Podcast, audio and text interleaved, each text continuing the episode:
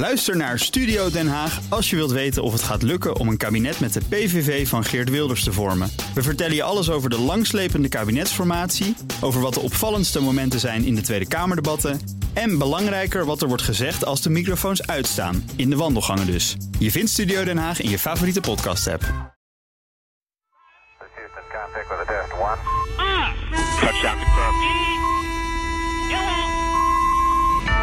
Welkom bij Space Cowboys. En ik heb zitten tellen. Volgens mij is dit aflevering 52. Zou heel goed kunnen. Ik ga dat even nakijken. Uh, hoi Juri. Hoi Herbert. Goed dat je er weer bent. En hallo Jan Terpstra. Goedemiddag. En uh, ja, jij bent geen regelmatige gast. Je bent hier voor deze keer. En vast ook niet voor de enige keer ooit. Maar um, je bent fotograaf. Onder andere. En we gaan met jou praten over fotografie in de ruimtevaart. Over Zeker. lenzen en over afdrukken en over uh, wat, hoe camera's zich gedragen in vacuüm. Allemaal van dat soort dingen. Belooft wat uh, te worden. En uh, intussen kijk ik nog eventjes naar datgene wat ik wilde checken. Ja, het is nummer 52. Goed. we, laten we beginnen met wat nieuws. Ja. Jury, wat heb jij voor nieuws?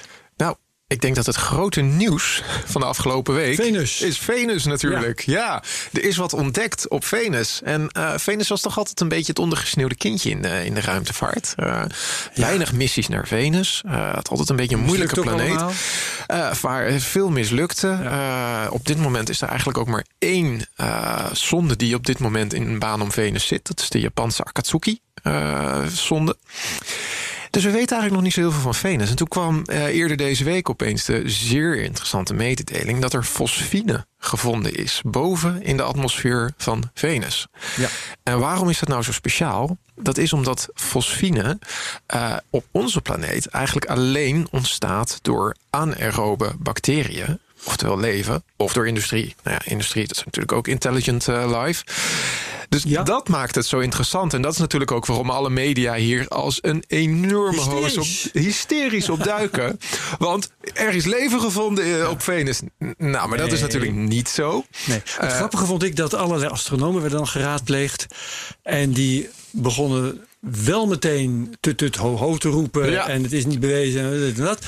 Alleen maar een mogelijk teken het van... is een biomarker. Geen van alle hun enthousiasme verbergen. Nee, natuurlijk, natuurlijk. En het is ook gewoon groot nieuws. Om twee, ja. In ieder geval om één belangrijke reden... waar ik straks ook nog wel op uh, terugkom. Maar het interessante hiervan is natuurlijk... dit is een beetje hetzelfde als de ontdekking van methaan op Mars. Het zegt niks over ja. of er ook daadwerkelijk echt leven is. Maar het is een biomarker. Het is een mogelijk teken van leven. En dan moet ik echt het mogelijk, dat Precies. moet echt dik gedrukt met hoofdletters schreeuwend naar buiten worden gebracht. Want ja. het zegt nog niks over of er daadwerkelijk leven is. Maar ja, dit kan misschien wel weer de interesse in Venus een flinke boost geven. Want ja. tot nu toe, wat ik net ook al zei, uh, was er eigenlijk niemand die echt geïnteresseerd was in Venus. Nou ja, ik heb Venus altijd heel fascinerend gevonden. Juist omdat al, of al, er zijn een paar zondes uh, naartoe gestuurd en er één of twee zijn er geland. En onmiddellijk verpletterd door de atmosferische druk. Ja. Maar ik weet nog dat ik uh, boekjes over sterrenkunde las als jochie. En dat daarin stond dat, uh, ja, dat we eigenlijk geen idee hadden hoe het oppervlak van Venus eruit zag. Want Venus helemaal bedekt met wolken. Ja. Niemand had enig idee wat daaronder te vinden was. En pas in, nou ja, in de loop van mijn leven is dan de informatie tevoorschijn gekomen dat het daar waarschijnlijk een graadje of 500 heet is. En er is zo'n Russische zonde geweest waarvan ik de naam vergeten. Vega. Vega.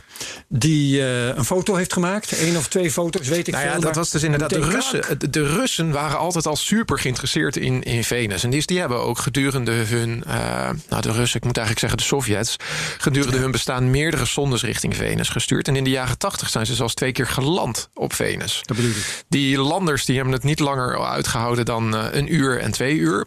Want het is een verschrikkelijke planeet eigenlijk. En dat ja. is misschien ook een beetje de reden waarom de interesse en voor. een krankzinnige atmosfeer ja, en dat is natuurlijk ook de reden waarom de interesse in Venus volgens mij nooit zo hoog is geweest. Dat is ook de vraag die we uh, in onze inbox uh, kregen van, uh, van onze luisteraar Joop. Van waarom is Venus altijd dat ondergesneeuwde kindje geweest? En volgens mij heeft dat vooral te maken met het feit dat Venus echt een verschrikkelijke, verschrikkelijke planeet is. Het is er, de, de atmosfeer bestaat uit 96% CO2. Uh, dus je hebt een enorm losgeslagen uh, broeikaseffect daar zo. ja. Dat betekent dat de temperatuur 450 graden is. De temperatuur op de oppervlakte van Venus is hoger dan op het oppervlakte van Mercurius. Mercurius staat nog een heel stukje bij dichter bij de zon. Ja. Dan vervolgens, de druk is 92 keer die van de atmosfeer eh, op aarde. Dus dat is hetzelfde als wanneer je een kilometer eh, onder het zeeoppervlak zit. Het is echt een planeet waar je... Nou ja, je kan er nog ineens doodgevonden worden, want je overleeft het. je Nee, overleeft nee, het niet. Waarschijnlijk wordt je lijk ook meteen eh, fijn gestampt door die atmosferische druk. En deze, Op- deze fosfine, deze fos, fosfines die zijn nu gevonden eh, hoog in de atmosfeer op 50 kilometer hoogte ongeveer. En, dat daar is de temperatuur oké. Omdat Ja. daar de temperatuur oké is, eh, is er ook nog een kansje dat zich daar leven zou ontwikkelen. Hoewel je natuurlijk altijd toch wel graag een substraat hebt. Ja. Hè, voor mo- je mosjes en je algjes en je weet ik En veel wat. Dat is dus ook waarom Mars volgens mij altijd zoveel interessanter is geweest. Omdat het gewoon een veel vriendelijkere planeet is dan Venus. En daardoor ook een veel hogere aantrekkingskracht heeft op het publiek. Joop ook, hè, dat wij een keer gaan discussiëren over eh, of we nou beter naar Venus kunnen gaan of naar Mars. En dat Ja. is ook wel interessant, dat moeten we een keer doen. Ja, en misschien dat we zelfs nog beter naar een andere plek kunnen gaan. Een van de manen van, Van- Jupiter of Saturnus. Ja. dat Als er ooit leven gevonden wordt, dan sluit ik mij aan bij de uitspraak van Dr. Spock in Star Trek. It's life, Jim, but not as we know. Nou ja, Ja, inderdaad. Dat is, en dat ja. is natuurlijk hier ook de vraag. Weet je, we gaan er nu vanuit dat, eh, dat, dat, dat, dat fosfine door, door voor ons bekende processen zou kunnen ontstaan. Ja, wie weet dat het wel iets anders is. Nou ja, ik heb daar plagerig over zitten twitteren. Jij zegt net, het, kan ook, eh, het, het ontstaat ook wel bij industrie. Dus ik heb getwitterd, hey, een teken van industrie op Venus. ja. En dat geloof natuurlijk niet Ja, en er werden ook grapjes gemaakt over dat fosfine eh, op aarde vooral door pinguïns wordt geproduceerd. Teken van pinguïns. Dus wie weet zijn er gewoon pinguïns. Nou, nee, maar het, het mooie is wel, dit zou natuurlijk wel kunnen betekenen dat in de komende jaren nog gewoon wat meer interesse weer voor Venus komt. Er zijn verschillende concepten van NASA, van India en van Rusland die eh, op de tekentafel liggen. Er is nog geen geld voor beschikbaar gesteld. Dus het is wel een serieus voorstel van Peter Beck van Rocket Lab. eh, het kleine bedrijfje wat kleine raketten de lucht instuurt. Om een kleine missie in 2023 naar Venus te sturen. Omdat hij persoonlijk een enorme interesse in Venus heeft. Dus dat ziet er wel heel erg veelbelovend uit. Ja. Maar dat is echt een kleine missie van nou, 50, een, een, zonde van 50 kilogram. Met dus maar een paar kilo aan instrumentarium. Waarschijnlijk niet eens zal eh, landen, of wel? Nee, dit is dan puur alleen een, eh, een zonde die in een baan om. Venus zal gaan Hoe mooi draaien. zou het niet zijn als er op Venus ook een keer een, eh hoe heet ze ook weer allemaal, een Curiosity of een Perseverance zou gaan Ja, rondrijden. die, ja, die, die, die het iets langer uithoudt dan die Venera-landers van Rusland. ja, dat gaat nog wel lastig worden. Ik, ik zie nog wel iets, eh, een exploratiemogelijkheid door te zweven in die vreselijk dichte eh, atmosfeer. Ja, Ja, ballonnen is het Maar- idee. Ja. idee. Ja. En, dan, en dan met grondradar op verschillende frequenties kijken wat, eh, wat in elk geval de structuur van Ja, volgens mij is dat ook een van de Zeker. voorstellen die nu bij NASA ligt voor missies in de komende jaren. Om inderdaad een soort van ballon eh, hoog in de atmosfeer rond Venus te brengen. En daarmee niet alleen te kijken waar die atmosfeer nou uit bestaat, maar ook wat meer te weten te komen over het oppervlakte van Venus. Want dat is tot nu toe toch nog een beetje letterlijk in nevelen gehuld. Ja, klopt. Ehm, dat was het wat Venus betreft. Ja. Dan eh, zal ik even snel een paar dingen erdoor jagen. Die ik toch wel leuk vind om te noemen. Dan kunnen we eventueel de volgende keer daar wat langer over praten. Ehm, eh, het eh, Pentagon gaat ook een hele hoop satellieten lanceren. Ze hebben een contract toegekend aan Lockheed Martin en York Space Systems voor 200 miljoen voor de een en 100 miljoen dollar voor de ander. Ze mogen allebei 10 satellieten gaan lanceren. Die gaan als eerste onderdeel van een, communicatie, een militair communicatienetwerk. Ze noemen het een transport layer. Maar ze zouden het beter een com- communication layer kunnen noemen. Eh, die uiteindelijk moet gaan bestaan uit eh, een stuk of 100 satellieten, als ik me niet vergis. Eh, dus het leger werkt aan een nadrukkelijke aanwezigheid in de ruimte. Er komen weer een paar honderd satellieten bij op termijn. Dat is interessant. Er was een interessant interview met Charlie Bolden, ex-bestuurder van de NASA. Die toen hij nog in functie was, zei: eh, We moeten het hebben van die SLS. En de, het vermogen van SpaceX om eh, transportmiddelen voor de ruimte te maken is niet aangetoond. En nu die uit functie is en een paar jaar verder zijn, zegt hij van nou, die SLS gaat nergens heen hoor. dat vond ik eh, Wat wel makkelijk om achteraf te zeggen. Ja. NASA gaat particuliere bedrijven die zich daarvoor willen lenen, betalen om materiaal van de maan op te rapen. Ze hoeven het niet eens naar de aarde terug te brengen. Als, ze mogen het ook op de maan bij NASA inleveren. Dit is een soort van marktplaats, kom maar ophalen. Nou, en eh, wat ik begrijp, want dan vraag je af, wat is de zin hiervan? Hè? NASA is daar nog helemaal niet om het op. En trouwens, de bedrijven zijn daar niet om het te verzamelen. Ehm, het lijkt een eerste stap om eh, de structuren voor mijnbouw eh, aan te brengen. In ieder geval te laten zien hoe je dat zou kunnen doen. Volgens mij ging het ook niet zozeer om de hoeveelheid Nee. die teruggebracht mag worden, maar vooral dat dit een proefballonnetje 50 is. tot 500 gram. En dat levert dan 25.000 tot 50.000 dollar op. Wat ook helemaal geen bedragen zijn waarvoor je een missie kunt organiseren natuurlijk. Dus het is puur een, ja, een proefballonnetje eigenlijk. Ik, kreeg al een visioen dat eh, Komatsu of Caterpillar een soort van bulldozer op een raket zet en die naar de maan schiet om daar wat bergen ma- maanmateriaal bij elkaar eh, te schuiven. Zodat eh, NASA daar zeg maar de cherrypicking kunt doen. Hier ligt het en eh, kom het maar halen. Kom het maar halen. Maar het is misschien wat te groot voorgesteld. Maar wie weet, misschien doen ze het eh, bij wijze van grap. Dat kan ook. Had jij nog meer nieuws? Nou, ik had nog één nieuwtje. Ja. Ehm, de afgelopen periode zien we de ene na de andere kleine bedrijfje zien we eh, pogingen doen om hun kleine raketjes te lanceren. Zodat ze hopelijk een stukje van de markt om kleine satellieten in een baan om de aarde te brengen kunnen pakken. En afgelopen weekend was het de beurt aan Astra. Astra is een klein bedrijfje uit de Oh ja. Verenigde Staten. En zij zijn al een tijdje bezig met het lanceren van kleine raketten. Eh, ze hebben een paar jaar geleden hebben ze twee keer geprobeerd om een raket in een suborbitale baan eh, te brengen. Dus dat is een eh, baan die gelijk weer teruggaat. Die lanceringen die werden nou, iets suborbitaler dan in eerste instantie verwacht. Want eh, vlak nadat ze de lanceerplatform hadden verlaten, eh ontploften ze allebei. Toen hebben ze besloten om mee te doen met de DARPA Launch Challenge. Dat was een eh, uitdaging door DARPA, een onderzoeksinstantie van het Ja. Amerikaanse leger. Uh, om uh, op korte termijn en zonder al te veel uh, voorbereiding vanaf een random plek op de aarde uh, een kleine satelliet namens DARPA te lanceren. Dat was de uitdaging. Februari, maart hebben ze dat geprobeerd. Is net niet gelukt, dus ze hebben het niet gewonnen. Maar de raket die ze daarvoor hadden gebruikt, wilden ze vervolgens in maart uh, toch lanceren. Om te laten zien dat de techniek die ze hadden oké was. Uh, het ging niet door de lancering, te veel wind, te veel gedoe. Uh, uiteindelijk probeerden ze de raket leeg te pompen. En tijdens het leegpompen is het compleet misgegaan en is alles ontploft. Tot nu toe hebben ze nog niet heel veel succes gehad. Afgelopen weekend probeerden ze het nog een keer met een nieuwe raket. En van tevoren had de founder, uh, Chris Kemp, had al uh, aangegeven dat het waarschijnlijk niet zou lukken om überhaupt iets in een baan om de aarde te brengen. Dus de verwachtingen waren al lekker laag, uh, laag gelegd. Ja. Nou, zijn verwachtingen kwamen compleet uit. Want wij zagen de raket op beelden van omstanders. Die ik zal ik trouwens in de show notes zetten. Want alleen mm. al voor het commentaar van die omstanders is het geweldig om te kijken. Um, op die beelden zagen wij de raket een stukje de lucht in gaan.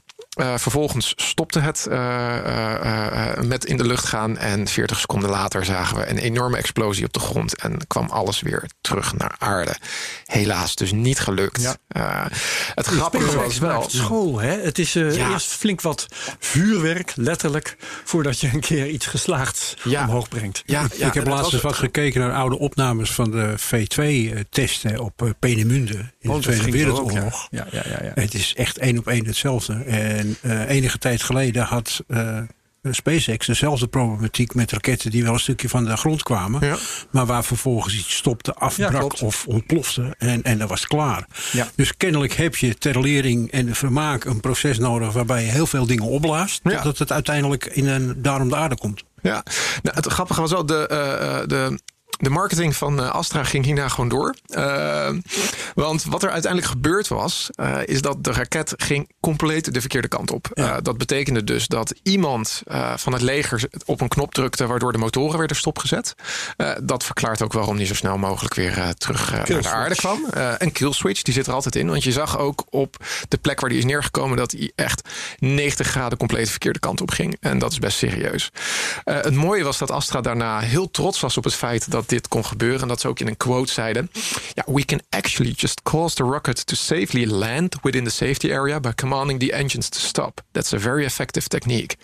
Dat klopt. Het is heel effectief om de raketten, om de motoren stop te zetten. Ik zou het alleen geen landen noemen, wat hij dan vervolgens doet. sierlijk neerstorten. Dit is sierlijk neerstorten of eh, zoals eh, SpaceX het ook altijd zegt, rapid unscheduled disassembly. Ja, ja. en eh, het was een buitengewoon nuttige lancering, want we hebben er veel van geleerd. Zij hebben er wat van geleerd. Ze hebben namelijk geleerd dat er een software update plaats moest vinden. die ervoor zorgt dat hij niet de verkeerde kant op gaat.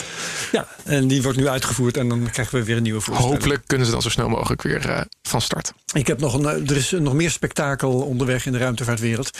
Ik werd vandaag, vandaag is trouwens 16 september dat we dit opnemen, werd ik eh, attent gemaakt op, door collega Wesley Schouwnaars op een stuk in Wired over het bedrijf Spin Launch. Heb je daar al van gehoord? Nee. Spin Launch is echt iets geweldigs. Het heeft een heel hoog Jules Verne gehalte.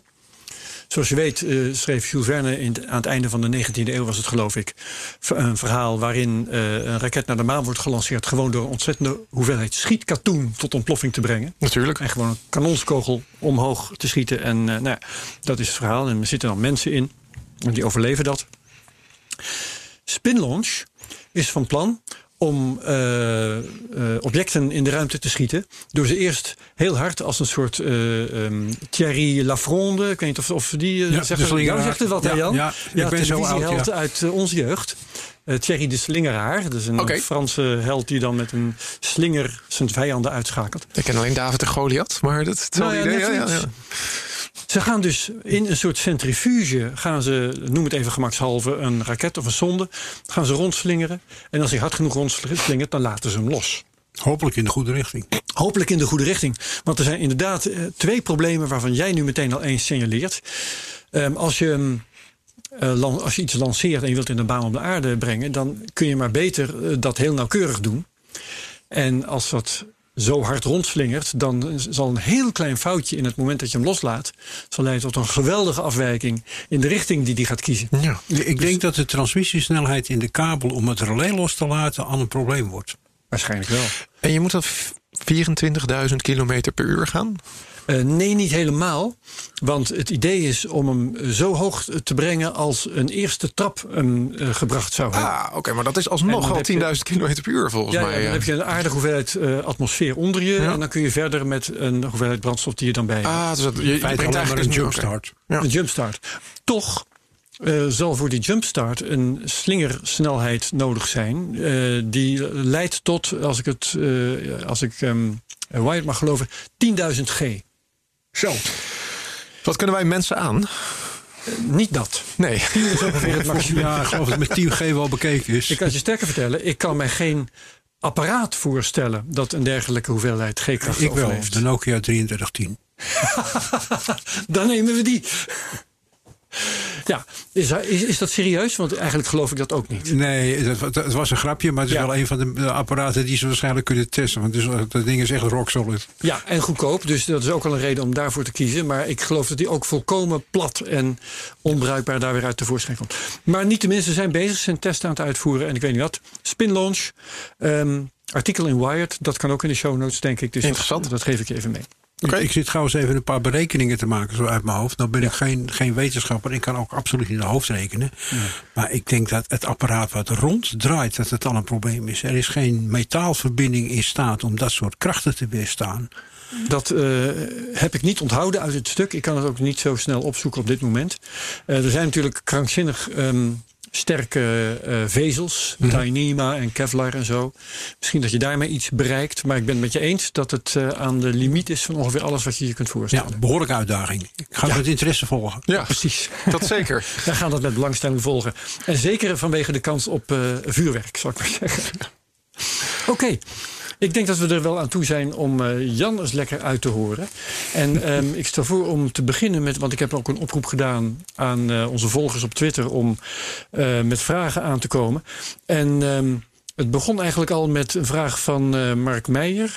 Eh, op de alias uh, Mark Meijer 10. Dus waarschijnlijk is hij een van de meer dan 10 Mark Meijers die er zijn. Kan ik me goed voorstellen. Simpele vraag: hoe lastig is fotograferen in de ruimte? Zou een astronaut die tijdens een spacewalk in principe nog met zijn iPhone kunnen doen?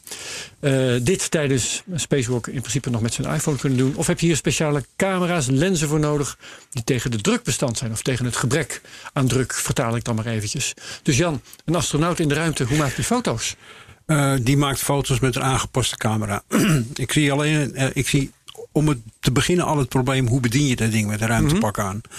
Uh, dus dat zo'n stugge handschoen bijvoorbeeld. Ja, dat is schier onmogelijk. Uh, het werkt allemaal met aanraakscherm. Ik weet niet of die handschoenen van die ruimtepakken daar al voor uitgerust zijn. Ja, dan, dan, heb je, dan denk je aan een iPhone. Maar als je denkt aan een klassieke camera... die ze in het verleden uh, volgens mij bij zich hadden... Mm -hmm. dan heb je gewoon een sluiterknop, denk ja, ik. Ja, de, bijvoorbeeld bij de maanlandingen... hadden ze aangepaste Hasselblad 500 camera's mee naar, naar het maanoppervlak. Maar even terug naar dat, dat fotograferen met iets van een iPhone ja. in de ruimte.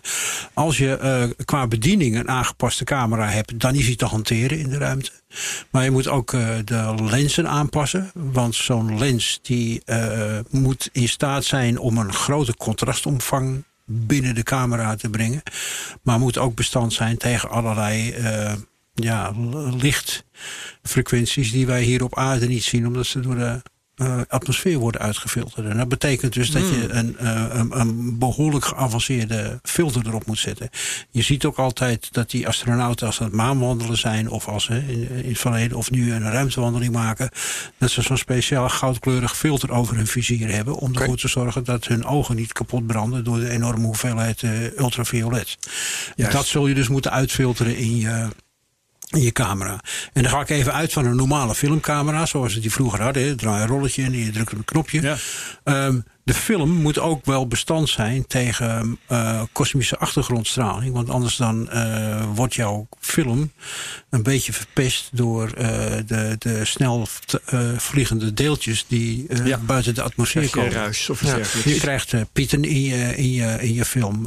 vroeger, als jij door de, de scanner ging met je camera op vakantie en je had nog een filmpje oh ja. in je camera zitten, dan zei men altijd: de, de camera hoeft niet uit de tas, want het is veilig. Maar ik heb al met hele gevoelige film ooit eens gehad dat uh, mijn filmpje toch een sluier had omdat hij door die, uh, door die scanner heen moest. Ja.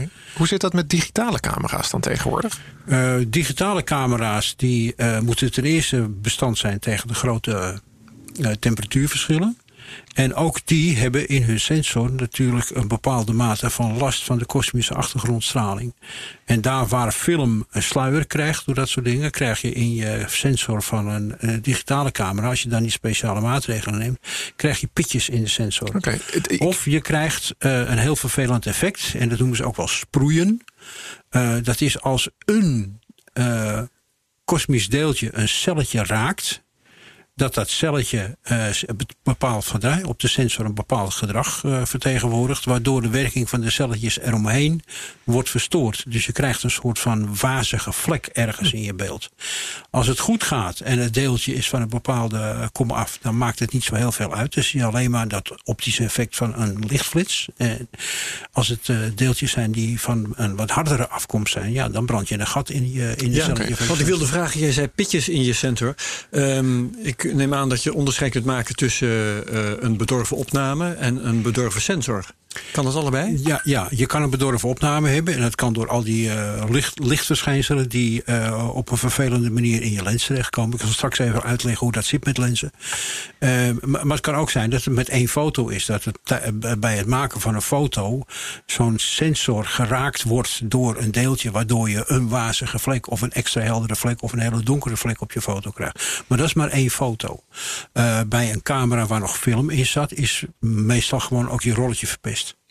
Oh, en dan zitten okay. er uh, 12 of 15 of uh, 24 of 36 opnames in, afhankelijk van het filmformaat. En dat betekent dus dat zo'n deeltje door je film heen gegaan is. En ja, dan heeft dat uh, op alle uh, oppervlaktes in zo'n zo opgerold film, heeft het daar schade aangericht. Ja, ja, ja, ja, Ik zie wel eens beelden vanuit het ISS bijvoorbeeld opgenomen. En uh, daar zie ik allemaal dode pixels in beeld. Zijn dat dan van dit soort beschadigde, door, door kosmische straling beschadigd? Oké. Okay. Want ik zie die veel, heel vaak.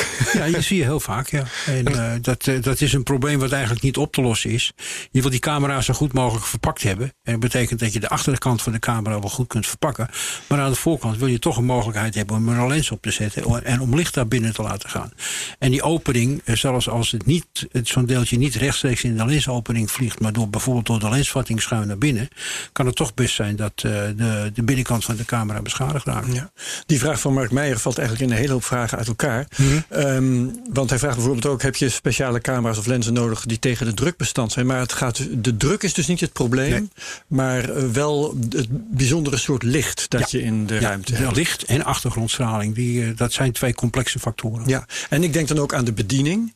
Uh, ik weet dat als ik met mijn smartphone buiten iets probeer te fotograferen, heb ik bij zonnig weer al gauw het probleem dat ik op mijn scherm eigenlijk helemaal niks meer zie. Mm -hmm. Ik veronderstel dat dat in de ruimte ook wel kan uh, gebeuren. Als je camera gebruikt met een elektronische zoeker is dat inderdaad zo. Uh, tot uh, vrij recent werden gewoon camera's met een optische zoeker. Gewoon, ja zeg maar, maar dan, zie ik nog niet een astronaut met een helm op dat ding voor zijn oog houden. Nee, maar dat hebben ze tijdens de maanlanding wel heel leuk opgelost. Want toen hadden ze namelijk zo'n hasselblad op hun buik. En een hasselblad heeft een zogenaamde bovenzoeker. Daar kijk je aan de bovenkant in. Hmm. En, en dan kijk je in de spiegel en je ziet ook het beeld uh, links, rechts, verkeerd. Uh, of ondersteboven verkeerd, afhankelijk van hoe je de camera houdt. En dat betekent dus dat ze met een, een klein uh, knikje naar beneden... of in sommige gevallen met een klein hulpspiegeltje in de helm... gewoon keurig recht naar beneden konden kijken. Met een soort periscoop kijk je ja. dan je camera. Ja, ja, ja, ja met, met, een, met een hoekspiegeltje, met een soort spionnetje. En het, het aardige van die camera's is dat die behoorlijk aangepast waren. Want je moet natuurlijk ook het filmtransport doen. Ook nog, ja. Uh, want ja dat, dus met die, die stomme handschoenen dan weer. Hè? Dat filmtransport was aangepast. Ja. Uh, de, de, de ring om scherp te stellen was aangepast. En ook uh, tussen de film en de sluiter werd een glazen plaat geplaatst met allemaal kruisjes erop. Want als je kijkt naar die foto's van ja. de maanlanding, heb je allemaal oh ja. kruisjes. Die haalden dus inderdaad op. En het was een, ja, een opnames die werden gemaakt met een vaste brandpuntafstand. En als je nou een klein beetje de berekening kon doen en je wist ongeveer de afstand van een object, dan kon je de afstand tussen de twee kruisjes op de foto, gerelateerd aan de brandpuntafstand van je lens, kon je uitrekenen hoe groot het object ongeveer was. Dus dan wisten ze die kei die op een paar meter afstand zat, die had een bepaalde afmeting. Dat was de reden dat die, uh, dat die kruisjes er onder andere ja, ja, ja, ja. Oké, okay, dat, is dat is inderdaad weer een mysterie opgelost voor mij. Ja. Waarom zat dat er altijd op? Nou, de, de, de, de reden is heel simpel. Oké. Okay. Ja. Nou, nou ik toch met camera's en lenzen bezig ben. Ja. Uh, als je een lens gebruikt, en je gebruikt die gewoon op aarde... dan wil je eigenlijk dat die lens, zo, lens zoveel mogelijk licht doorlaat. Zo lichtsterk mogelijk is. En dat betekent dat je een vrij forse lens hebt. Je kunt thuis even een experiment doen. Uh, neem een uh, papiertje en rol dat op. En kijk daarop naar een witte muur. En neem vervolgens het rolletje van een uh, toilettenrol... of van een, van een keukenrol en kijk daar doorheen. Dan zie je dat er veel meer licht binnenkomt... door die wat dikkere pijp... dan door dat kleine opgerolde stukje papier waar je doorheen kijkt. Mm -hmm. dat, dat, he, op eenvoudiger kan ik lichtsterkte van een lens niet... Uh, niet een grotere uh, lens ja. vangt meer op, zoals een grote... Maar goed, als jij een groter, oppervlak, oh, groter oppervlakte, een groter gat in die lens wil hebben... dan wordt ook de hoeveelheid glas die erin moet, die wordt veel groter. Ja. Dan krijg je het volgende probleem dat je een zo licht mo sterk mogelijke lens wil hebben voor een zo groot mogelijk sensoroppervlak. Dat betekent dat die lens heel groot moet zijn, want die uittredende lichtcirkel die aan de achterkant van de lens in jouw camera komt, moet ook zo groot mogelijk zijn. Dus daar kun je niet een heel dun pijpje voor gebruiken. Dus als je een vrij grote sensor gebruikt, zoals, uh, of film, zoals die Hasselblad, dat betekent dat je zo een vrij fors glaspakket moet hebben om een goede lens te ontwikkelen. Dat is weer zwaar. En dat is volkomen uh, ongewenst als je iets de ruimte in wil schieten. Want ja. elke gram extra kost ja. gewoon brandstof. En elke vierkante uh, centimeter uh, betekent dat het aan iets anders moet, een, een, een, ander object moet inleveren om die camera ja, erin te passen. Met zwaar en groot maak je je niet populair. Met zwaar en groot maak je je niet populair. Maar zwaar en groot is wel noodzakelijk om ervoor te zorgen dat je, dat je goed belichte en scherpe foto's hebt. Ja. nou kan je toe met een veel kleinere film. Want ook in de, de latere ruimtevaart werden gewoon Nikon 35 mm filmcamera's gebruikt met een standaard lens. Wel vaak met wat aangepaste knop, omdat je hem eigenlijk blindelings wil kunnen bedienen. Mhm. Mm -hmm. Maar ja, je blijft met het feit zitten dat je een redelijk glasoppervlakte in zo'n camera wil hebben. Om ervoor te zorgen dat je ook de donkere delen kunt uh, fotograferen. Maar aan de andere kant wil je er ook voor zorgen dat je door het diafragma, door het instellen van de camera, dat gaatje eh, eh, eh, verkleind. Hè? Dus eigenlijk maak je kunstmatig de grootte van je lens kleiner door de, door de diafragmabladen. Want als je in een heldere omgeving fotografeert, dan wil je juist dat er heel weinig licht binnenkomt. Want er komt al zoveel licht. Dus als je aan de heldere, de zonkant van een wit object fotografeert, dan is dat een enorme hoeveelheid licht. Fotografeer je aan de schaduwkant van hetzelfde witte object, dan is er bijna geen licht. Want je, wij hier in, in, eh, op, op aarde zijn er gewend dat het altijd wel strooilicht is van de omgeving, van, van, van, eh, van stof in de, in de atmosfeer. Nou ja, noem het maar op. Eh, dus er is altijd wel strooilicht, waardoor eh, de donkere kant van een object niet altijd helemaal donker is. En daar is ook je camera op aangepast. Wil je je enorme contrastomvang kunnen fotograferen, dan heb je A, een behoorlijk potige sensor nodig in de digitale camera. En een lens die in staat is om ook die contrastomvang goed te, eh, te behandelen. Ehm, dat was ook de reden dat er nog vrij lang met film werd gefotografeerd. Met name zwart-wit film. Want zwart-wit heeft een veel grotere, wat men noemt, latitude. Dus het zwartste zwart en het witste wit, wat zo'n film kan weergeven. Die twee punten liggen veel verder uit elkaar dan de destijds gebruikelijke sensors. Nou, als je nu naar de moderne digitale camera's kijkt. En ik verwijs dan bijvoorbeeld even naar de HDEV, de High Definition Earthview, de HDF-camera die en I- eh, ISS constant opnames maakt van de aarde. Ja, dat is, dat ding geloof ik 24 megapixel of zo. Ja. En, en de, de sensors zijn al veel beter bestand eh, tegen eh, dat soort omstandigheden dan dat ze twintig jaar geleden waren. Want toen stonden we eigenlijk aan de, aan, de, aan de wieg van digitale foto. Jouw eh, verhaal over contrast, dat brengt mij in herinnering de complottheorieën die zeggen dat de NASA helemaal de, de maan niet heeft gehaald. Want kijk bijvoorbeeld maar naar de foto's van de maan, waarbij je dan op de zwarte delen helemaal geen sterren ziet. Eh, ik geloof eh, dat de verklaring daarvoor is dat het contrast van die aard is dat je die sterren alleen zou zien als je ze puur op het zwarte deel van de hemel zou richten. Klopt dat? Is dat inderdaad Ja, eh, een contrastverhaal? De, de camera's zijn ingesteld op de reflectie van de witte pakken. Ja. En die witte pakken die geven een bepaalde hoeveelheid licht terug. Eh, waardoor je je camera, hè, door je diafragma of je sluitertijd moet knijpen om niet een overbelichte opname te Hm, krijgen. Daarmee verdwijnen de sterren op de achtergrond. Als je echter vervolgens je, je camera omhoog draait, weg van de aarde en weg van de zon, en stelt het in op de lichtintensiteit die je dan aan de, de, de maanhemel ziet, ja, dan zie je wel degelijk die sterren.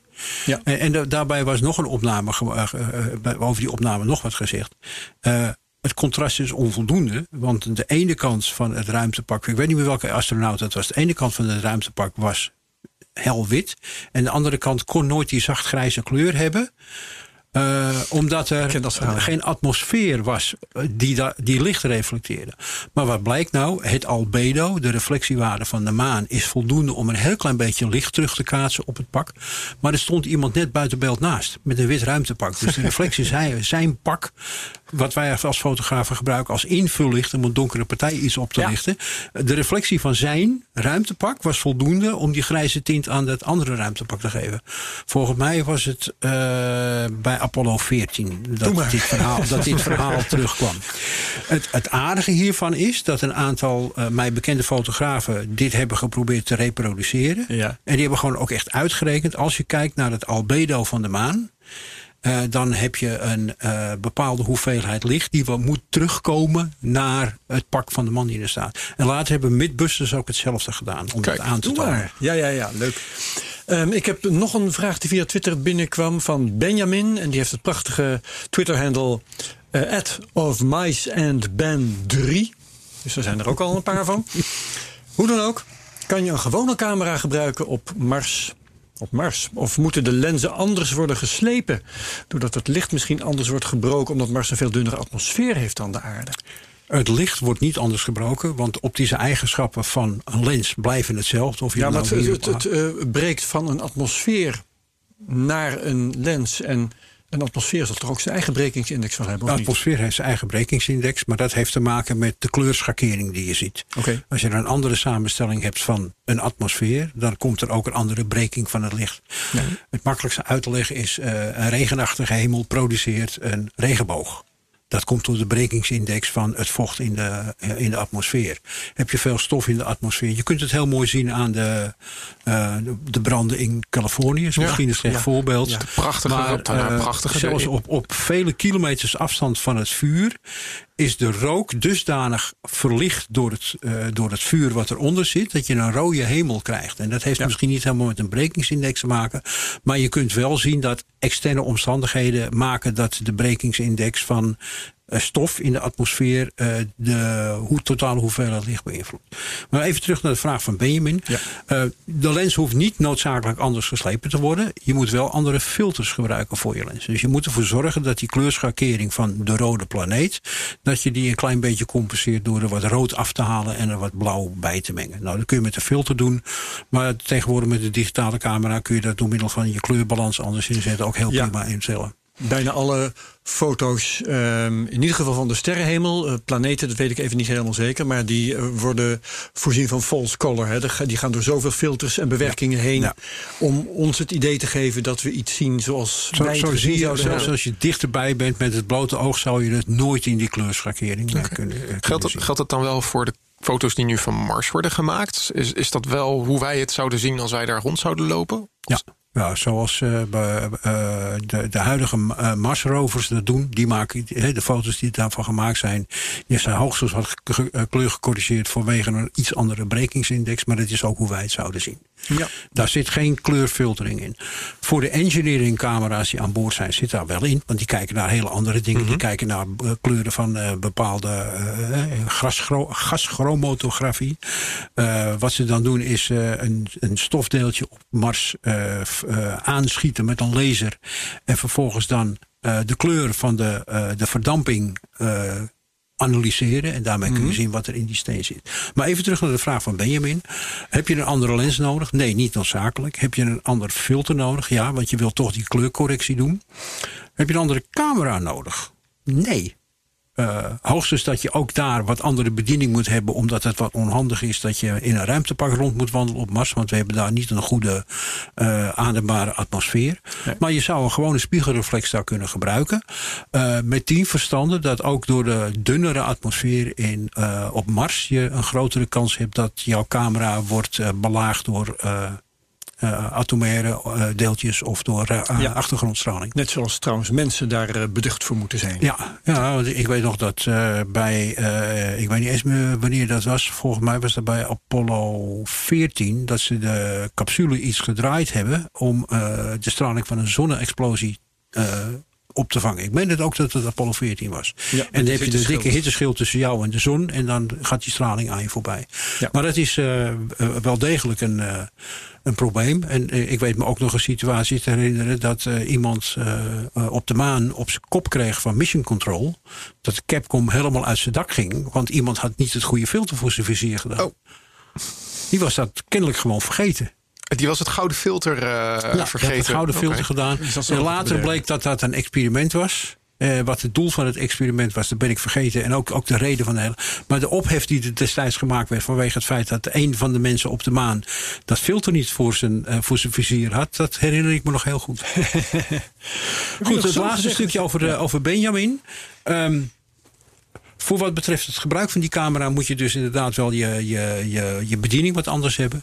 Eh, ik zou op eh, een, eh, een planeet als Mars toch een voorkeur geven aan fotograferen met een camera met een sensor en niet meer met film. Ondanks dat je met een zwart film je hele grote contrastopvang goed kan vastleggen, biedt de huidige mogelijkheden met het instellen van allerlei filtertjes in een camera die je dan vervolgens in de camera direct kunt verwerken, wel de optie om ter plaatse goede opnames te maken die je niet later moet corrigeren. Ja, en, maar dat is toch al lang standaard. Ja, dat is gewoon standaard. CCD's geworden. als, ja, maar ik heb al de eh, discussie gehoord van je kunt de ruimte beter fotograferen met een zwart-wit filmcamera vanwege die eh, contrastomvang. Ah, ja. ja, dat is zo, maar als je de laatste jaren kijkt naar met name de middenformaatcamera's, de enorme ontwikkeling van sensors die, die je daar ziet, ja, die zijn eigenlijk zo goed als een. Maar als een bovendien zal op Mars eh, dat contrastprobleem minder groot zijn. Het want een het is vooral in outer space. Hè? Ja. In, eh, ja, ja. ja. Oké, Eh, jij wilde de nodige dingen kwijt over, eh laat ik zo maar zeggen, basisfotografische kennis. Eh, Nou ja, dat heb ik al zo'n beetje verteld. ben je nu zo'n beetje kwijt. Ja. Dan vind ik het leuk om ehm, even de geschiedenis in te gaan. Eh, je hebt al het nodige verteld over eh, eh, Apollo en maanlanders en zo. Hè, maar daar is nog veel meer over te vertellen. Ik herinner me uit het ge- voorgesprek dat wij hebben gevoerd... dat er het nodige digitale archeologie al wordt gedaan... aan het fotomateriaal dat de Apollo-missies hebben opgeleverd. Ja. Inclusief de maanlandingen. Ja, de, de, bij de maanlandingen en ook bij de onbemande maanlandingen. Eh, vooral bij de onbemande maanlandingen, daar was er een heel chemisch eh, proces aan boord. De foto's werden gemaakt met een camera op film. Die film werd in de lander ontwikkeld. Werd door een scanner gehaald. Een heel laboratorium Die- aan boord. Ja, heel laboratorium. Die streepje voor streepje die foto's kende. Dat werd analoog, zoals wij vroeger een analoog modem hadden. Werd dat via een heel dun signaaltje naar de aarde. Dat ging geloof ik met 450 bout. Dus dat gaat heel Oh, langzaam. Dus het duurde heel lang voor die foto's op aarde waren. Die werden vervolgens eh, via zo'n radiotelescoop werden die opgevangen. Die werden opgeslagen. En die werden omgezet eh, in iets waarmee je eh, volgens een chemisch proces... Ja, het is een soort printer... eh, maar ook een soort scanner, maar ook tegelijkertijd een fotografisch proces waarmee ze die foto's konden maken. Eh, die opnamen op aarde zijn bewaard gebleven. En die zijn gedeclassificeerd. Hè? Ja. Die zijn gedeclassificeerd. Ze zijn eerst nu- geheim dan? Hm? Waren ze eerst geheim de opnames op zich waren geclassificeerd materiaal van de NASA. De resultaten van de foto's niet. Ze wisten namelijk niet wat er in die opnames nog naar boven kwam. Ah, Als er groene mannetjes op de maan kwamen, wilden ze niet ja, dat gelijk die foto op de voorpagina van een ochtendkrant stond. Dus er was, er was wel degelijk enige filtering in de fotografie. Maar het aardige is nu, die banden zijn bewaard gebleven. En met de huidige digitale techniek van eh, het beter decoderen van die analoge signalen, het wegfilteren van de achtergrondruis, de veel betere eh, digitale printmethodes kunnen ze nu foto's printen van die oude opnames. Die veel en veel gedetailleerder zijn dan de oude opnames die er in de 60 jaren zijn Oh, gemaakt van die onbemande. Maar je praat dus over digitale tapes of zijn het analoge, Nee, analoge tapes, Analoge tapes van eh, analoge foto's die in een 60 jaar laboratorium op de maan zijn ontwikkeld. Ja, Eh, Analoge tapes en die worden nu opgegraven, om maar zo te zeggen. Digitaal en Daar opgegraven, komen ja. weer afbeeldingen uit. ja. Het is echt waanzinnig. En, en die banden zijn er wel, maar de apparatuur is vaak niet meer beschikbaar. Dus van de originele tekeningen moet men soms apparatuur reconstrueren Oh, of emuleren. Eh, gewoon soms in software emu- dingen emuleren om, om zaken te decoderen, omdat die originele decoderingsapparatuur al lang gescrapt is, die is al lang verdwenen. Maar die banden zijn nu in een, een goudmijn aan hoge resolutiefoto's, die in 1962, 63 door een onbemande maanlander zijn gemaakt. Of eh, 64. En waar verschijnen dit soort foto's? Want dan moet het toch eh, Eh, een site zijn waar ze ze publiceren. Er zijn heel wat sites die refereren aan NASA en ruimtevaart. Ik zal, ik zal ze eh, aan, je, aan je geven. Dat je Leuk ze nog in even de show ja, notes, in de show notes kunt, kunt opnemen. Eh, ik volg dat proces al heel lang. Want er zijn namelijk bijvoorbeeld ook mensen die eh, dit doen met oude mainframes. Eh, er zijn ook mensen die dit met oude stoomlocomotieven en oude auto's doen. Ja, zeker, ja. Maar nu gaat het om ruimtevaartinformatie. Er is ook iemand die heeft eh, de, hele, de hele boordcomputer nagebouwd van, van, van een Russische Soyuz. Van Apollo ook wel volgens Van mij. Apollo, eh, van ja, maanlander. Ja hoor, dat ze het kunnen simuleren. Maar even, even terug naar de fotografie. Dus die digitale archeologie die levert foto's op met hele hoge resolutie. Want de apparatuur die aan boord was, de optische apparatuur en de scanapparatuur, dat was destijds top of the bill. Hè. Dat was echt de meest eh, eh, haalbare kwaliteit. En de apparatuur hier op aarde was ook wel de best haalbare kwaliteit. Maar de fouten die onderweg in de transmissie eh, ontsto- ontstonden in dat analoge signaal, ja, die konden ze toen niet wegfilteren. En tegenwoordig met digitale signal processing en een beetje artificial intelligence kun je wel heel veel van de rommel eruit ja, halen. ja, Blijft er een schoner analoog signaal over, waarmee je uiteindelijk die foto kunt afdrukken. Fantastisch. Nou, dat, eh, dat resultaat moeten we zien. Hè? Dus, Ja, ik had nooit verwacht dat eh, iets na langere tijd beter zou worden. In de digitale wereld in ieder Ja, geval. het is wat dat betreft net wijn. ja. ja. Zeker. Ehm, dus dat eh, eh, wat betreft ehm, eh, maan, maanfoto's, Apollo-foto's. Ja, en ten aanzien van die Apollo's heb ik nog een, een, een, een, een aardig beter Ja. waardigheidje te vertellen. Dat gaat om de volgcamera's op aarde. Ehm, men moest natuurlijk vanuit de aarde kunnen volgen, vanaf de tijd van Werner von Braun, met filmcamera's, wat er gebeurde. Want eh, als iets goed ging, dan was het heel fijn. Maar als er iets ontplofte, dan wil je wel zien wat de reden was dat het ontplofte. Dus eh, er werd al in een heel vroeg stadium werden er filmopnames gemaakt van de lanceerproeven. En uiteindelijk eh, in de latere bemande vluchten werden er ja, het klinkt heel raar, maar het grondstel, het onderstel van een luchtdoelgeschut. En er werd dat kanon dat werd er afgesloopt. En vervolgens werd daar een op maat gemaakte knoert van een lens uh, opgezet. met een camera en een iets kleinere lens met een oculair om, uh, om te volgen. En dan kon men uh, in vrij gedetailleerd zien hoe de motoren zich gedroegen. Of het ontkoppelen van de trappen goed ging. er is zelfs bij, bij de bekende ontploffing van de Challenger. Een, ja, daar, daar was een, een, een vaste brandstofraket die een lek had. En die vervolgens een gat blies in de, uh, ja. de externe tank. Ja, die beelden hebben wij in eerste instantie nooit kunnen zien omdat de uh, beelden die aan het publiek werden getoond door de NASA... van een veel lagere uh, vergrotingsfactor, een lagere resolutie waren... dan het materiaal wat ze zelf opsloegen. Dus uiteindelijk zijn die um, opnames wel uh, gekomen in publiek. En dan zie je ook heel duidelijk dat er uit die ene vaste brandstofraket... een soort met van lastvlammetje bezig is om zich een weg te eten... door die, door die externe tank, waardoor die, die spacesuit ontploft is. Ja, ja, ja. En, en die, die, die apparatuur wordt tot op de dag van vandaag nog gebruikt. Het is een hele vreemde constructie, want het is een onderstel, inmiddels wel verbeterd... maar in principe een onderstel van luchtdoelgeschut. Dan hebben ze een soort uh, wieg opgezet, waar iemand in zit met... Uh, Ik zeggen, er is dus een cameraman die echt gewoon dat ding zit Dus een cameraman.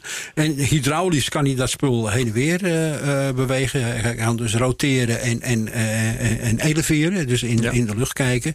En er staan twee grote lenzen op. De ene lens is echt om gedetailleerde beelden te maken. De andere is de richtlens en daarvan wordt het beeld dan ook publiek gemaakt. En die zijn nog gebruikt, uh, recent nog bij, bij de SpaceX-lancering. Ja, ik, ik vind het altijd fascinerend om te zien dat... op een gegeven moment is zo'n raket 20, 30 kilometer uh, uh, verder gekomen. Zit dan al 80 kilometer uh, hoog in de atmosfeer.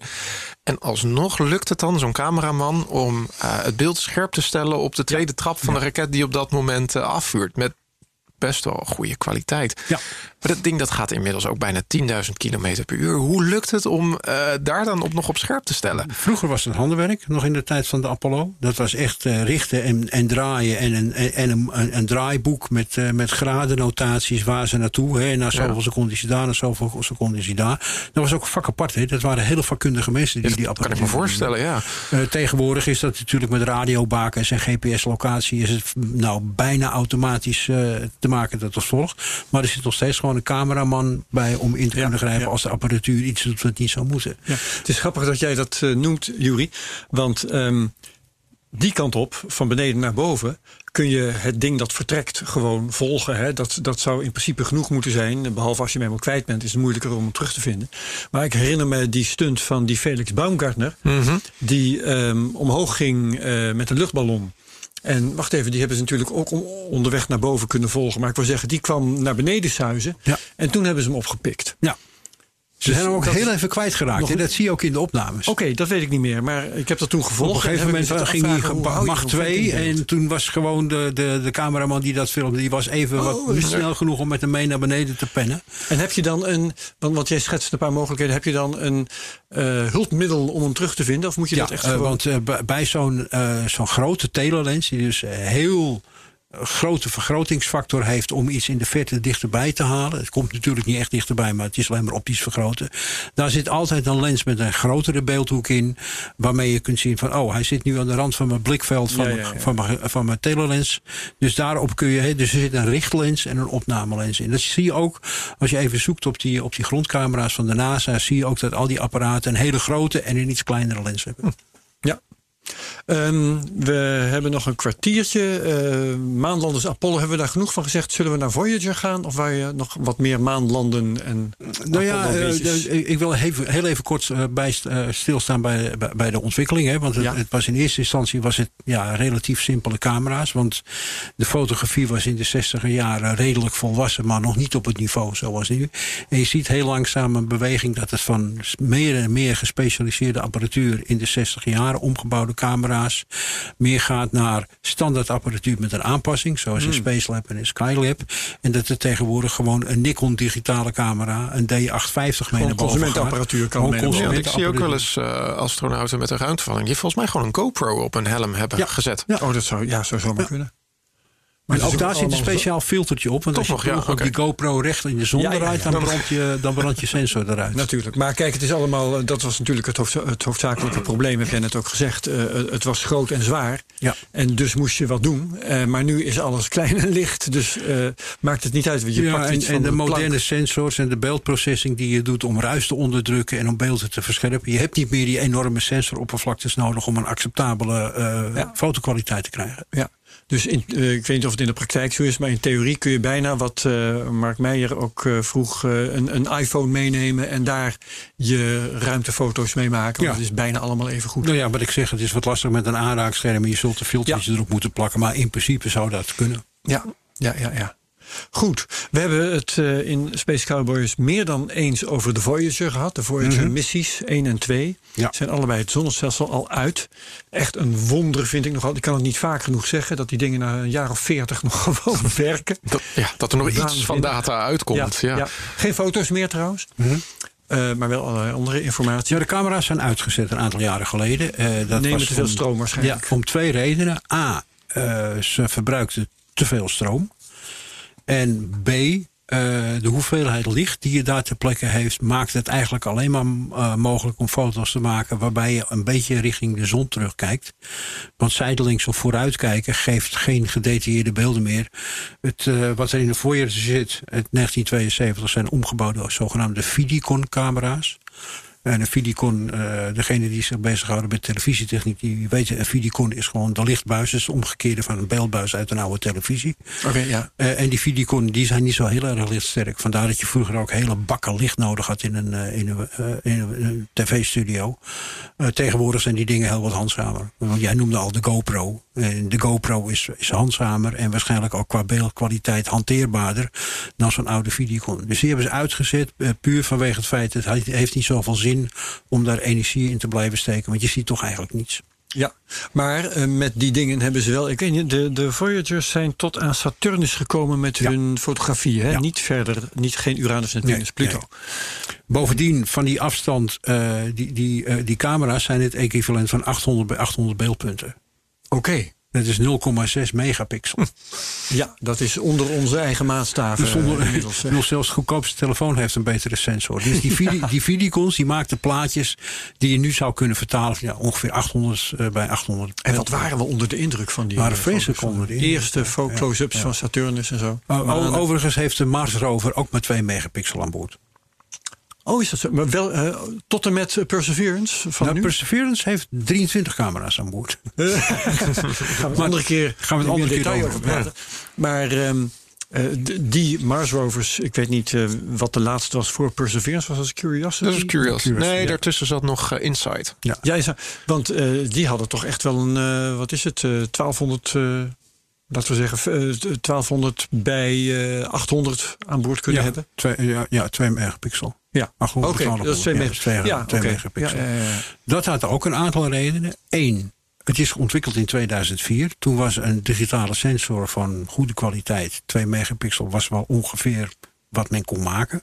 Veel verder ging het niet. Ehm Er komt nog wat anders bij kijken. De transmissiebandbreedte is maar genoeg voor ongeveer 32 MB per 24 uur. ja.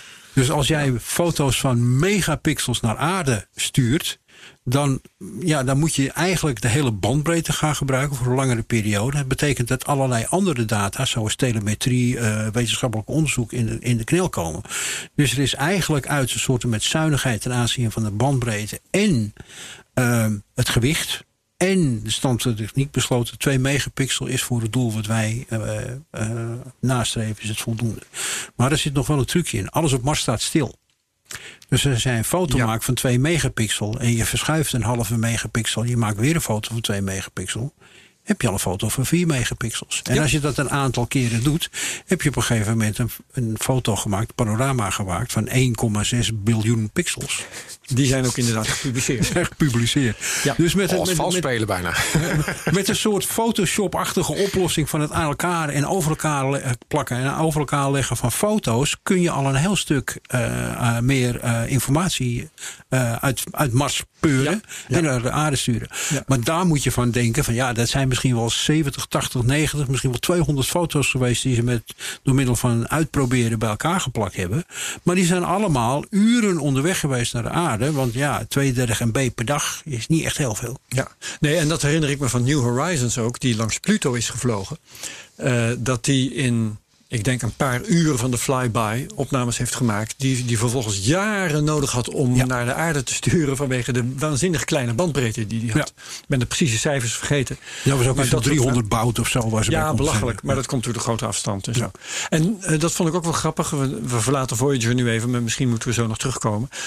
Ehm, als het om Pluto gaat. Eh, en je vraagt je af, wat zouden we zien als we daar als mens zouden staan? Is het antwoord denk ik bijna niets. Nee, het is hartstikke Omdat het daar zo belachelijk donker is. De, de zon is daar een lichtelijk heldere ster. Ik denk minder helder dan de volle maan. Veel minder helder, ja. Ja, eh, dus dat betekent dat die foto's van een, eh, ja, zoals je het denkt te zien, een zonbeschenen kant van Pluto. Zoals die foto's eruit hebben gezien, die we hier hebben gekregen. Dat is niet wat je als mens met het blote oog zou hebben gezien. nee, dat is allemaal toch wel een beetje eh, Opgeleukt. kunstmatig opgeleukt. Ja. Ja. Ehm, wat valt er nog meer over de Voyager en zijn fotografie te vertellen? Eh, over de Voyager eh, valt te vertellen dat er twee camera's aan boord waren. Twee Per omgebouwde. stuk, Ja, twee ja. Voyagers, Ja, twee je had één redelijke groothoekcamera met een brandpuntafstand van, eh, volgens mij, ik moet het even opzoeken wat het precies was. Eh 200 mm. Voor de liefhebbers van f3. Eh, er was ook een telelens, s- eh 1600 mm. En dat is een behoorlijke hoeveelheid glas die je daar hebt. Ja. Eh, en die had een lichtsterkte van f8,5. Eh, die camera's waren voldoende tot aan het randje van ons zonnestelsel om redelijk gedetailleerde opnames te maken. Maar ja, het blijft naarmate met dat omrekenen naar de megapixel van vandaag, maar 800 bij 800, wat iets meer is dan 0,6 megapixel. ja. Toch, zei, hè, toch vielen echt de, de- ja, echt mijn, mijn mond viel open dat ik die foto's zag, ook van de flybys. Ik denk, het is echt ongelooflijk wat wij, waar wij toe in staat zijn. En als je kijkt wat, waar we volgende keer dan misschien over hebben, over die Perseverance, wat daar allemaal aan opt- optische middelen in zit, het is echt ongelooflijk. Ja, Ehm, ik zit even te denken, wat was er na Saturnus nog over om te? Want je zegt tot aan de rand van het zonnestelsel, maar na Saturnus hebben ze weinig meer eh, gezien, behalve dat ze hebben teruggekeken, geloof ik nog, met die Voyagers. Volgens mij hebben ze, ja, kort daarna hebben ze de camera's ook uitgezet. Juist vanwege het feit dat het bijna onmogelijk is om, om, om met die licht zwakke lenzen en die wat Ja. ja. ja, archaïsche beeldopnemers om daar nog interessant beeld mee te maken. Ja. En kijk, je, je sleept niet zoals je dat in een fotostudio of een, eh, in een televisiestudio doet. Je sleept niet een hele batterij lampen mee om de omgeving uit te lichten. Dus dat heeft niet zo heel veel zin ook. Nee.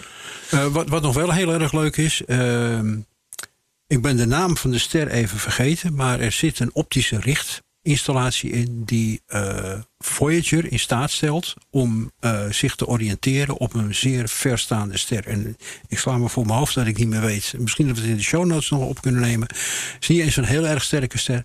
Maar het, het, het optische richtmechanisme van Voyager stelt eh, de satelliet, of het ruimtevaartuig is het inmiddels geworden, in staat om, om zich te oriënteren op een zodanige manier dat die antenne richting aarde blijft stralen. Ja, en ja, dat moet dus een, een, een baken zijn. Eh, waarschijnlijk toch nog een relatief heldere ster. Of dat toch niet? Ja, het is niet helderste zoiets? Ja, ja, volgens mij is het Vega. Dat zou Ja. best kunnen, ja. Dat is eh, redelijk. Niet echt eh, de allerhelderste ster aan de, aan de hemel. Een redelijk heldere ster die ook op een redelijk vaste plaats staat... gezien de koers die Voyager doet. Ja.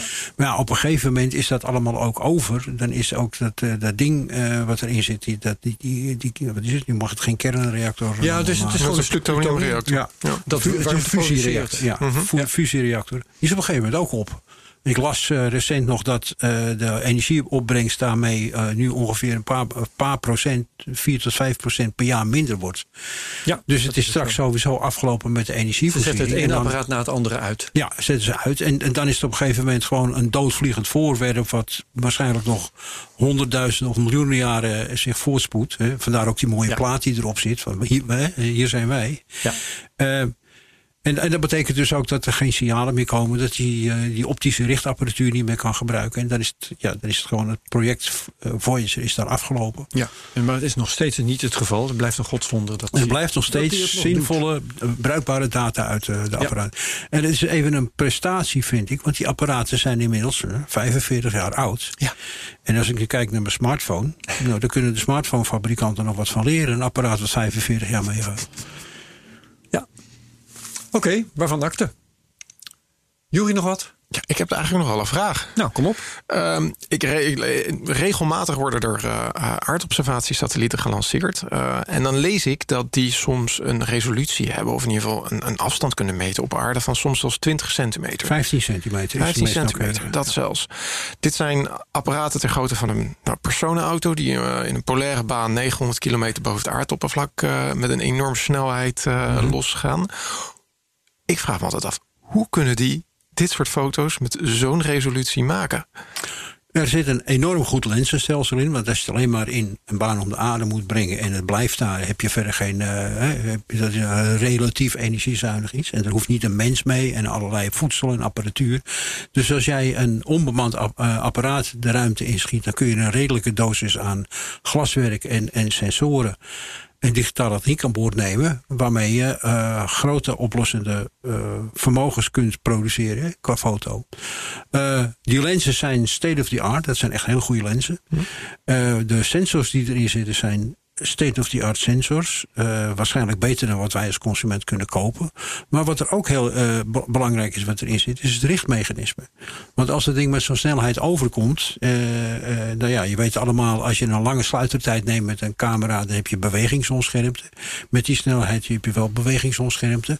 Maar het richtmechanisme, en het, het, ik weet niet precies hoe het werkt. Ik, ik wil het eigenlijk ook niet weten van al die spionagesatellieten.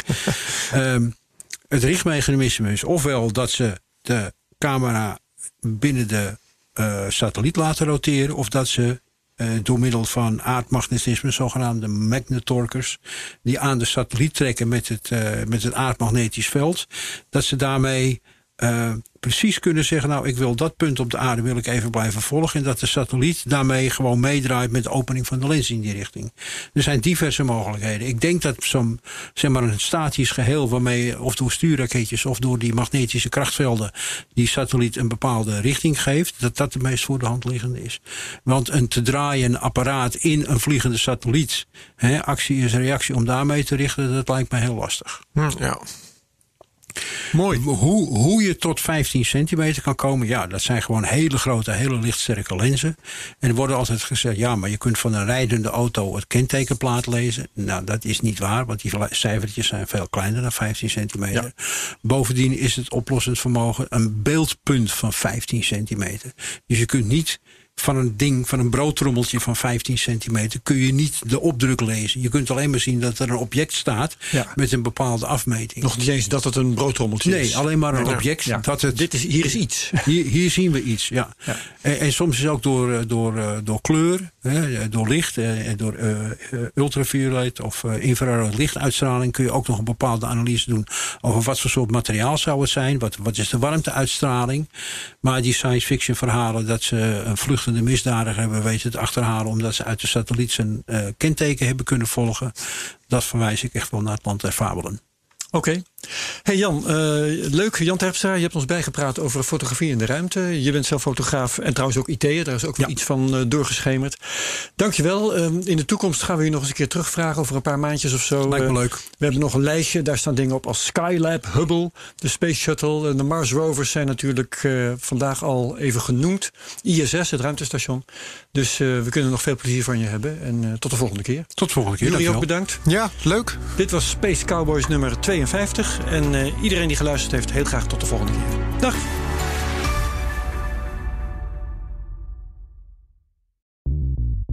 Bij BNR ben je altijd als eerste op de hoogte van het laatste nieuws. Luister dagelijks live via internet. Bas van Werven. En heel langzaam komt de zon op rond dit tijdstip. Je krijgt inzicht in de dag die komt op BNR, het Binnenhof in Nederland en de rest van de wereld. De Ochtendspits. Voor de beste start van je werkdag. Blijf scherp en mis niets.